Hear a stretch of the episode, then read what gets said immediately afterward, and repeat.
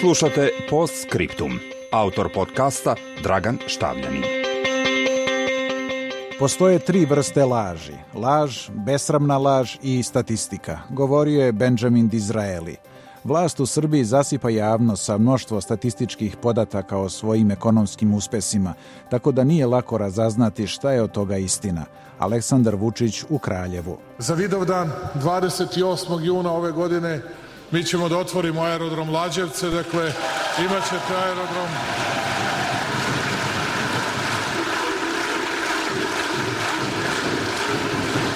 Mi smo i večeras govorili i razgovarali o našim snovima koje pretvaramo u realnost. Reagujući na proteste građana širom zemlje, Vučić je započeo još jednu kampanju kao neku vrstu kontramitinga.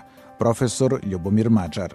Stvarna slika je daleko od one koju vlast pokušava da prezentira, da je Vučić krenuo u tu kampanju, da pruži neku protivtežu ovim masovnim protestima.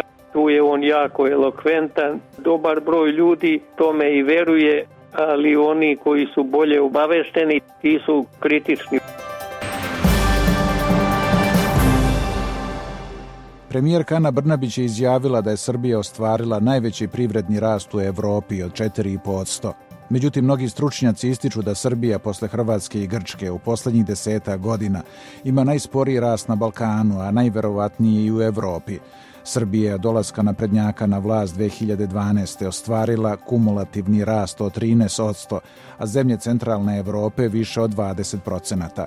Prosečne plate su 417 evra, dok su u Bosni i Hercegovini 440 evra. Smanjenje duga i deficita, što se smatra jedinim uspehom vlasti, ostvareno je rezanjem penzija i plata. Iako vlast prikazuje Srbiju kao veliko gradilište, probijeni su mnogi rokovi. Tako je najavljen završetak koridora 10 za 2016. godinu. Međutim, još se ne nazire kraj radova, autoput je na pojedinim deonicama ispucao i prepuštanja u saobraćaj.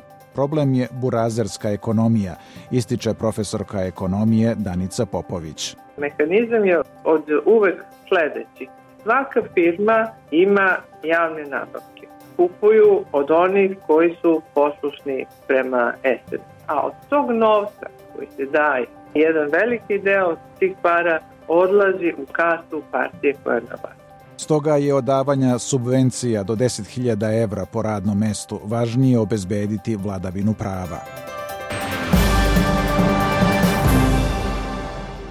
U međuvremenu, srpske vlasti se mnogo lakše dogovaraju sa ruskim i kineskim partnerima koji ne potenciraju previše na vladavini prava kao evropski. Dakle, ključno je pitanje kako izaći iz začaranog kruga u kome vlast korupcijom i preraspodelom, odnosno zavlačenjem ruke u džep građana kroz nerealni kurs dinara i razne namete, preusmerava kapital u posed privilegovanih. Ukoliko se ne uspostavi pravna i demokratska država koja će istovremeno biti ekonomski efikasna, građanima će biti oteta budućnost.